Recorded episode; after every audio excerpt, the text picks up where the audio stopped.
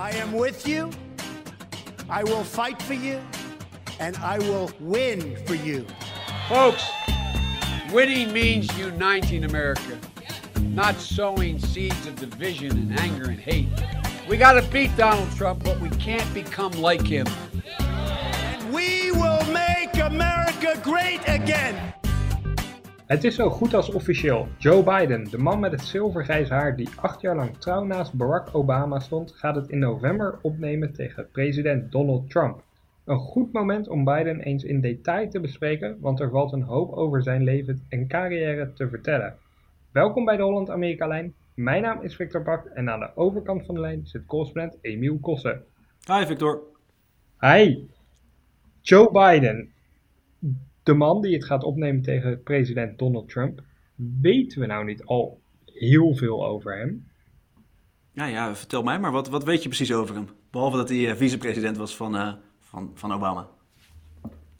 Hij is oud, uh, ruim in de 70 weet ik.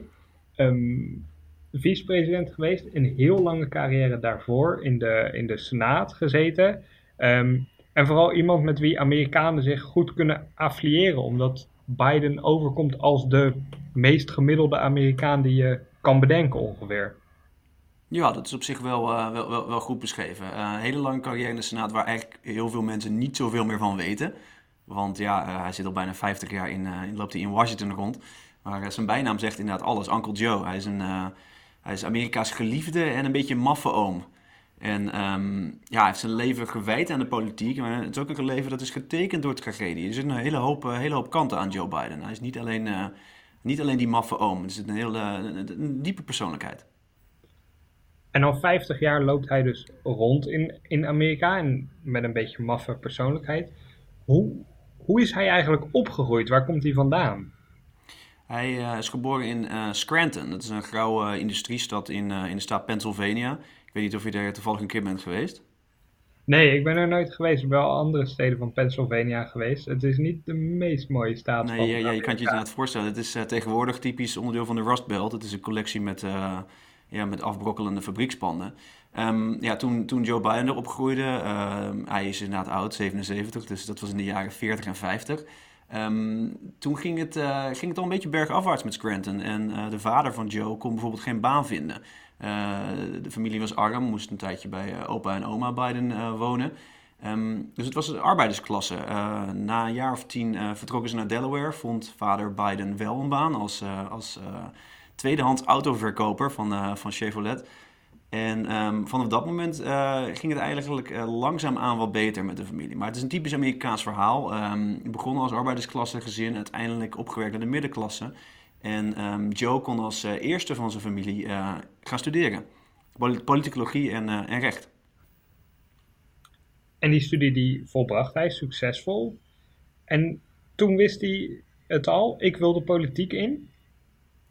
Ja, um, zo, zo, vertelt hij dat zelf wel. Um, uh, hij was uh, ambitieus. Uh, zelf zegt hij door, door de opkomst van John F. Kennedy, die net als hem een, een overtuigd katholiek was. Um, Joe nam een voorbeeld aan, aan JFK en klasgenoten bijvoorbeeld aan Syracuse University, waar hij studeerde. ja, die zeiden dat Joe echt een, een, geboren leider was. Misschien niet heel idealistisch, maar wel iemand die elke keer ja, een voortrekkersrol nam. En um, ja, inderdaad, uh, op jonge leeftijd al, uh, op zijn 29ste, besloot hij um, een, uh, een senaatscampagne op te starten. Dat was in 1972 en we hebben nog een radiospotje uit die tijd van Joe Biden als kandidaat. I'm Joe Biden and I'm a candidate for the United States Senate. I've asked my staff to tape record some statements people made when I campaigned at Price's Corner Shopping Mall. Do you believe politicians when they tell you something in an election year? No. Most of the time, no. No comment. That's what we've come to. Politicians have done such a job on the people that the people don't believe them anymore. And I'd like a shot at changing that. Ja, zoals je, je hoort, um, Joe uh, presenteerde zich hier um, als, uh, als, als kandidaat voor verandering. Um, hij probeerde een senaatzetel uh, te winnen in de staat Delaware, waar hij destijds woonde met zijn vrouw Nelia en, en drie kinderen. Um, hij was jong en hip en hij klaagt hier in het, in het, in het spotje over de oude politici. Dat is natuurlijk wel grappig, want tegenwoordig is hij zelf een van die, van die establishment figuren. Destijds was hij dat niet. hij nam het op tegen een, een republikein, een hele bekende republikein in Delaware. En hij had eigenlijk geluk dat senator Boggs dat hij niet echt campagne voerde. Die, was, die, die dacht dat hij, wel, dat hij het wel zou winnen. En um, ja, Joe ging daar, uh, ging er uiteindelijk met een overwinning aan de haal. Deels omdat senator Boggs niet zo heel veel aan campagne deed. Maar het scheelde niet heel veel, hè? Het was een vrij nipte overwinning. Ja, het was een, een, een, een, hele, hele kleine overwinning. En dat kwam ook omdat het een jaar was waarin de Republikeinen het juist heel erg goed deden. Nixon werd, werd herverkozen met een enorme overwinning. En um, ja, er werd eigenlijk niks van Biden verwacht. Er was een 29-jarige broekie die een, een, een, campagne zonder geld voerde. Um, Bidens campagnemanager was zijn zus omdat er werkelijk niemand was die, uh, die de campagne wilde, wilde leiden. Er was gewoon geen kans, dachten ze. Maar de Biden-campagne die, ja, die ging de straat op. En uiteindelijk heeft dat, heeft dat succes gehad. Met iets meer dan 3000 stemmen won hij. Een van de anekdotes die, die, zijn, die zijn zus, de campagneleider, vertelde, is wel grappig. Joe was natuurlijk pas 29 destijds. En um, elke keer als ze campagne voerden op straat, in het begin, dachten ze dat, dat de vader, dat die eigenlijk de kandidaat was en niet, niet Joe zelf. Met een beetje geluk werd Biden dus verkozen in de Senaat, maar eigenlijk vrijwel direct na die verkiezing hield het geluk hem in zijn persoonlijke leven in de steek. Hè? Ja, um, het was uh, ongeveer een maand na de verkiezingen uh, in december toen um, zijn vrouw en, uh, en kinderen in een, in een auto-ongeluk terechtkwamen. Um, een, een, vrachtwagen reed, reed ze van de, van de weg en zijn vrouw Nelia, een dochter, die, die overleden direct. En twee zoons, Bo en Hunter, die, die kwamen in kritieke toestand in het ziekenhuis terecht. Dus ja, het ging echt van van een moment van, van pure vreugde, een, een, een overwinning, een ongelofelijke overwinning uh, om als jongste senator te worden verkozen, tot uh, ja, persoonlijke tragedie zoals deze. Toch is hij wel de, de politiek ingegaan, hij heeft er niet van afgezien. Nou, dat hing er nog om hoor. Dat, uh, um, de democratische leiders moesten hem echt overtuigen om, om alsnog die baan aan te nemen. Um, uiteindelijk zei, zei, Biden: Ik doe het alleen als ik ook een fulltime vader kan zijn. Um, dus hij moest er een aantal dingen voor in zijn leven inbouwen. Hij, hij vertrok bijvoorbeeld niet naar Washington. Hij, hij bleef wonen in, in Delaware en uh, besloot elke dag heen en weer te rijden met uh, de trein. Dat levert hem ook een van zijn bijnamen op, want dat deed hij tientallen jaren. En daarom kennen mensen hem ook als Amtrak Joe. Werd vrienden met de conducteurs, et cetera. Maar hij vond het heel belangrijk om, uh, ja, om zijn zoons op te voeden. Dat, uh, dat was eigenlijk belangrijker dan die senaatzetel. Uiteindelijk heeft hij het uh, voor elkaar gekregen. Hij deed het beide. En dat komt deels omdat hij op een bepaald moment ook een nieuwe vrouw vond, Jill. En die hielp natuurlijk met het, met het opvoeden. Die vaderrol nam hij heel serieus, want er is een heel bekende foto van de beëdiging van Biden als senator. Dat hij niet in, in een mooi pak in de, in de Senaat staat, waar normaal de ceremonie voor de beëdiging plaatsvindt. Maar dat hij naast het bed zit van zijn zoon Bo. Uh, en daar wordt beëdigd. Hij wilde zijn zoons, die toen nog in het ziekenhuis lagen, echt niet uh, alleen laten. Ja, dat klopt. Ja. Vaak tijdens speeches, uh, nog, nog steeds, tot de dag van vandaag, refereert Biden daarnaar. Familie is alles voor hem. En dat is, ja, dit is een van de iconische foto's inderdaad, dat hij daar in het ziekenhuis staat. Um, met een aantal politie om zich heen en Bo op de achtergrond in het ziekenhuisbed. Als jonge vader werd hij senator. Hoe ontwikkelde Biden zich in zijn nieuwe rol als politicus? Het is eigenlijk wel grappig om interviews terug te lezen uit uh, de jaren 70, toen hij dus net um, naar Washington toe kwam. Um, daar heeft hij een hele hoop uh, ja, kritische noten over de Senaat. En noemt het een, uh, een, een, instituut voor dinosauriërs, et. Waar geen verandering kan plaats hebben. Want het, in de eerste jaren ondervindt hij een aantal hobbels erbij. Het gaat allemaal niet zo snel in het bureaucratische systeem van Washington. Um, maar door de jaren heen ontwikkelt hij zich als, uh, als een soort allemansvriend. Hij uh, werkt samen met links en rechts om um, ja, plannen uh, te ontwikkelen waar hij achter staat. Hij is een democraat in naam, maar um, terwijl op sommige vlakken is hij ook daadwerkelijk links. Bijvoorbeeld in de jaren 70 op het vlak van milieu. Maar op een hele hoop zaken is hij best wel conservatief. Hij is fel tegen abortus in zijn beginjaren. Hij is fel tegen marihuana. Um, en dat maakt hem een soort van um, ja, uh, een speciaal figuur in de Democratische Partij. Hij heeft een onafhankelijke zijde. Um, dat samenwerken, dat, dat doet hij zijn hele carrière. Hij werkt uh, bijvoorbeeld op het vlak van buitenlandse zaken. werkte hij samen met bekende republikeinen als, als John McCain en, en Lindsey Graham. En tot de dag van vandaag helpen die, die persoonlijke relatie hem heel erg. Na 15 jaar in de Senaat besluit Biden, dan als veertiger, dat het tijd is om een stapje hogerop te maken. Hij doet een gooi naar het presidentschap. Maar dat gaat eigenlijk falikant mis, hè? Ja, op dat moment is hij een, eh, een senator met enige naamsbekendheid. Ehm, en er wordt hem van alle kanten gevraagd: wil je niet meedoen aan, aan de verkiezingen? Um, dit is uh, 1988. Um, hij doet het uiteindelijk. Hij, uh, hij kondigt zijn kandidatuur aan op het treinstation van Wilmington. Niet toevallig natuurlijk, want dat is een van, zijn, uh, een van de plekken waar hij elke dag komt. en dat gebeurt onder grote belangstelling. En er wordt daadwerkelijk geschreven in de Amerikaanse media dat hij een, een grote kanshebber is. Maar dat optimisme verdwijnt eigenlijk heel snel, omdat uh, Biden een aantal keer een speech van een Britse politicus uh, naspreekt of uh, eigenlijk kopieert. En ja, op, op, die manier plagiaat pleegt.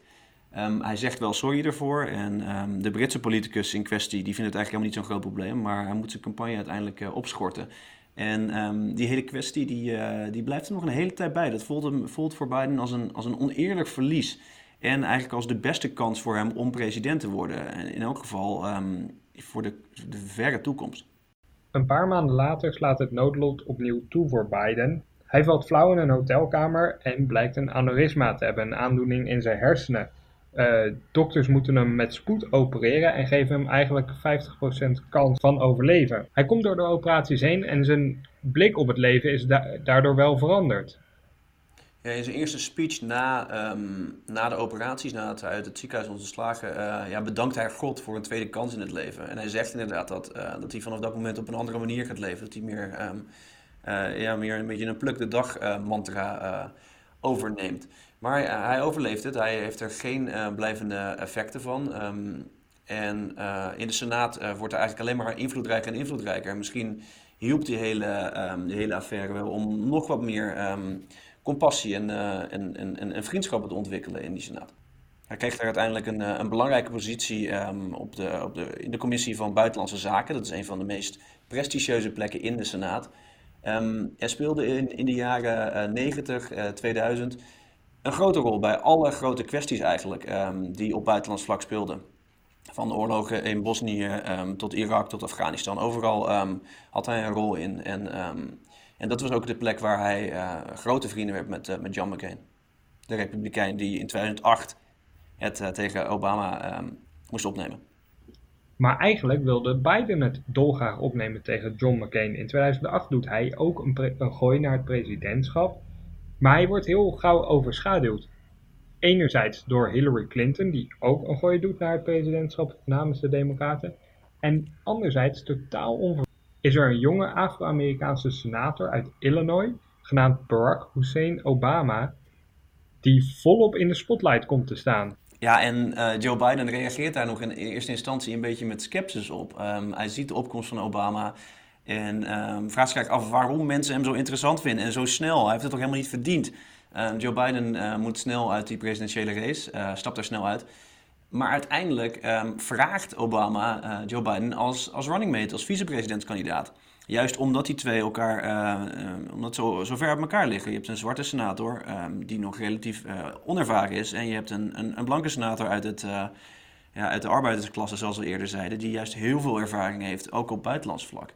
Um, ja, dus uiteindelijk loopt die relatie heel anders dan, dan in het begin leek. En na enige aarzeling zegt Biden uiteindelijk ja tegen het vicepresidentschap, maar hij twijfelde wel enorm, hè? Ja, op dat moment was hij natuurlijk een van de meest invloedrijke uh, senatoren van het land.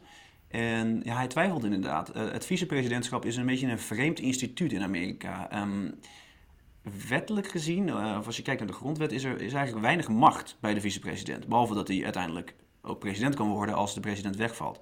Maar um, daarnaast is het heel erg aan de president in kwestie om um, om opdrachten te geven aan de vicepresident. En Joe Biden die vreesde een beetje dat als hij vicepresident zou worden, dat hij, uh, ja, dat hij eigenlijk een soort van ceremoniële uh, rol zou hebben. Um, vandaar dat hij even twijfelde. Uiteindelijk heeft zijn, uh, zijn eigen moeder hem moeten overhalen. Die zei, Joe, ben je helemaal gek? je kan de eerste, eerste zwarte um, president helpen om te worden verkozen. Daar moet je aan meehelpen. En uiteindelijk ja, deed hij dat dus ook. Wat kreeg Biden uiteindelijk te doen als vicepresident? Hij deed best wel een hoop. Ehm, hij nam zich voor ehm, om alle rotklusjes die Obama niet wilde uh, aannemen uh, te doen. En dat waren er, dat waren er best veel. Um, in eerste instantie moest hij uh, staatssteun aan de auto-industrie door de Senaat heen weten te krijgen. Dat was destijds niet populair, het tegenovergestelde. hij kreeg de Irak-oorlog in zijn portfolio, de Afghanistan-oorlog. Hij, hij, hij, ondernam acties om wapenwetgeving door het congres te eh, te krijgen. Dat lukte niet. Um, ja, het waren rotklusjes, maar wel belangrijke rotklusjes. En uiteindelijk zijn er verschillende momenten waarop Joe Biden's stijl, zijn, zijn, zijn vriendelijkheid met, met veel senatoren en andere mensen in het congres, um, die zorgde ervoor dat er daadwerkelijk samenwerking was. Bijvoorbeeld op het vlak van begroting. En Obama was meer een beetje de professor en die, ja, die, die was daar niet zo goed in. Die kon niet zo goed wheelen en dealen met senatoren. En Joe Biden kon dat wel. En dat was denk ik zijn grootste, zijn grootste invloed een echte politicus is Biden dus. Um, tussen Obama en Biden ontstaat in de loop der jaren ook een vriendschap. Ze maken ook memes met elkaar over een bromance, uh, een echte vriendschap uh, als echte bros. Um, ja, met, met Joe een beetje als clown hè? En, en, en Barack als, uh, ja, als, als, als, als bozige vader. Ja, precies. Maar de band tussen Obama en Biden was ook serieus. Um, dat horen we hier als Obama Biden als het ware bewierookt. From the Situation Room to our weekly lunches to our huddles after everybody else has cleared out of the room, he's been unafraid to give it to me straight, even if we disagree. In fact, especially when we disagree. And all of this makes him, I believe, the finest vice president we have ever seen. Eigenlijk lijkt Biden wel de perfecte opvolger van Obama te zijn op dat moment. Maar weer gaat het fout in het persoonlijke leven van Biden. Ja, en dit keer is het, uh, is het zoon Bo, de oudste zoon, um, de aspirant politicus, uh, die, uh, ja, die heeft een hersentumor. Um, dat komt naar buiten in, in de laatste jaren van, van Biden als vicepresident. Um, ja, dat neemt natuurlijk een hoop tijd weg. Het heeft een he hele hoop zorgen. Uiteindelijk overlijdt Bo na een zware strijd van, van ruim een jaar aan die hersentumor.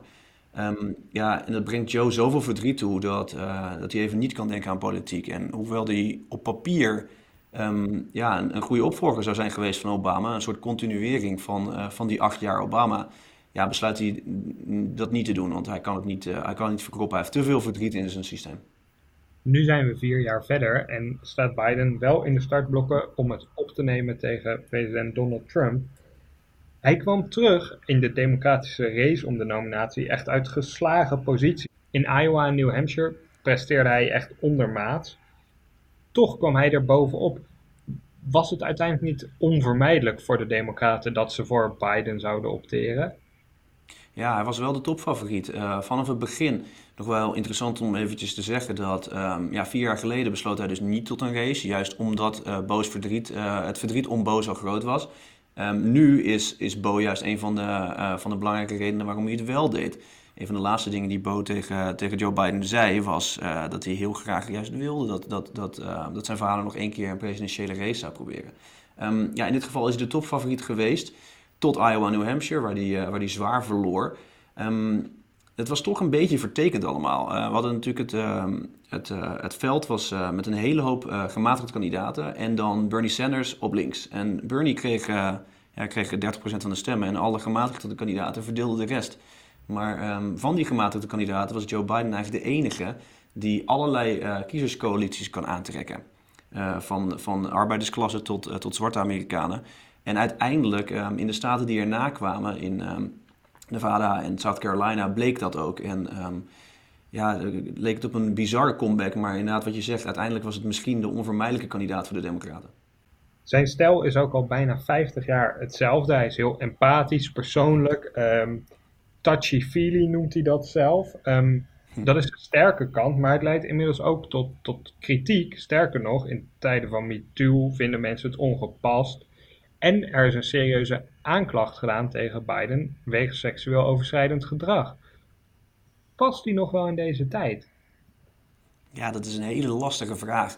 Hele lastige vraag. Um, ja, ik kan je wel een anekdote vertellen. Um, ik heb Joe een aantal keer zien spreken. Um, en één keer was hier, hier in Washington Na zijn speech staan er dan nou ja, een man of honderd in de rij. Ehm, en heel veel van die mensen die vallen hem gewoon in de armen. Omdat we hebben het natuurlijk over de tragedies in Joe's leven um, gehad. Ja, heel veel mensen hebben zelf tragedies meegemaakt. En, en zien Biden als een soort ja, als een figuur die, die, hun daarbij kan helpen. Um, een voorbeeld daarvan was een, was een mevrouw die, die uh, vertelde mij al dat ze haar, haar man was kwijtgeraakt recentelijk. En ja, op het moment dat ze voor vicepresident Biden stond, kon ze eigenlijk niks meer uitbrengen. Omhelsde hem gewoon en gaf Joe een, een, een, kaartje met, een, met zijn mobiele nummer. Um, en ja, dat is een beetje typisch, typisch Joe Biden. Dat effect heeft hij op heel veel mensen. En dat is die persoonlijke stijl.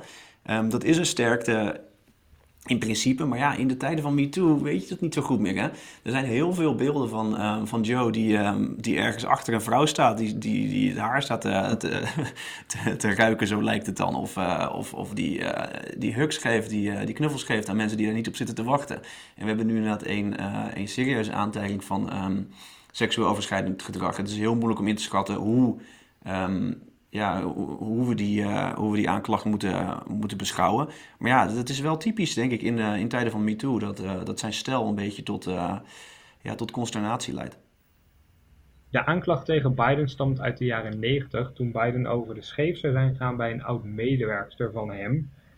Collega's uit die tijd kunnen zich daar niets bij voorstellen. Zo wordt geweld in de Amerikaanse media. En er zouden meer vragen rondom de aanklacht zelf zijn, of vooral over de indiener, toch? Ja, um, uh, deze mevrouw uh, heeft een hele tijd gewacht met die aantijgingen. Uh, vorig jaar um, bleek ze een, een, een, fan te zijn van Vladimir Poetin. En um, dit jaar heeft ze, zich, Bernie Sanders gesteund. het zorgt allemaal een beetje voor vraagtekens. Het belangrijkste is dat Amerikaanse media proberen de details die zij vertelt, proberen ze te bevestigen. En ja, dat lukt tot nu toe niet. Het blijft wel een, een, een, een soort van landmijn voor uh, de Biden-campagne. Want het zijn natuurlijk de Democraten die elke keer zeggen dat we vrouwen moeten geloven. Uh, die met dit soort aantijgingen naar voren komen. Dat zagen we met uh, Brett Kavanaugh, de, de, de hoge rechter. Um, die had eigenlijk een soortzelfde verhaal. Um, de mensen die tegen hem in verweer kwamen, die hadden ook aantijgingen die moeilijk te checken waren. En destijds gingen heel veel media daarin mee. En ja, werd er een beetje gesteld van, nou ja, die vrouwen zullen wel gelijk hebben. Dat is nu bij Joe Biden's uh, helemaal niet het geval. En dat is wel opvallend. Um, maar ik denk als er niet meer naar buiten komt van deze mevrouw, um, dat het verhaal toch een beetje um, de doofpot ingaat. Een steun in de rug van Biden is in ieder geval dat oud-opponenten zoals Bernie Sanders en Elizabeth Warren wel zijn steun voor hem uitspreken. Laten we daar even naar luisteren. And we can't afford to let Donald Trump continue to endanger the lives and livelihoods of every American. And that's why I'm proud to endorse Joe Biden as President of the United States. So today I am asking all Americans to come together in this campaign to support your candidacy, oh. which I endorse. Warren en Sanders stonden in de democratische voorverkiezing echt lijnrecht tegenover Biden, maar spreken nu wel steun uit voor hem. Gaat Biden ook een beetje hun kant op? Schuift hij op naar links? Normaal gesproken zie je tijdens um, dit moment van de campagnes uh, inderdaad dat um, als je een gematigd kandidaat hebt die wint, uh, dat ze een beetje naar links opschuiven. En dat, uh, dat gebeurt ook met Biden. Hij heeft een aantal plannen naar buiten gebracht. Um, bijvoorbeeld goedkoper of zelfs gratis hoger onderwijs en plannen om, om zorgverzekeringen uit te breiden. ja, die, die zijn een stuk progressiever dan wat Joe Biden een paar jaar geleden zou, zou voorstellen. Dus ten dele is dat waar. Um, tegelijkertijd, dat is ook belangrijk, hè? Want, want Sanders en Warren die wil je in, jou, uh, in jouw kamp hebben als democraat. Tegelijkertijd gaan we, gaan we zien, dat kan ik je voorspellen, dat um, Biden weer naar het midden gaat de komende maanden. En um, zich juist gaat presenteren als, uh, ja, als, uh, als allemansvriend.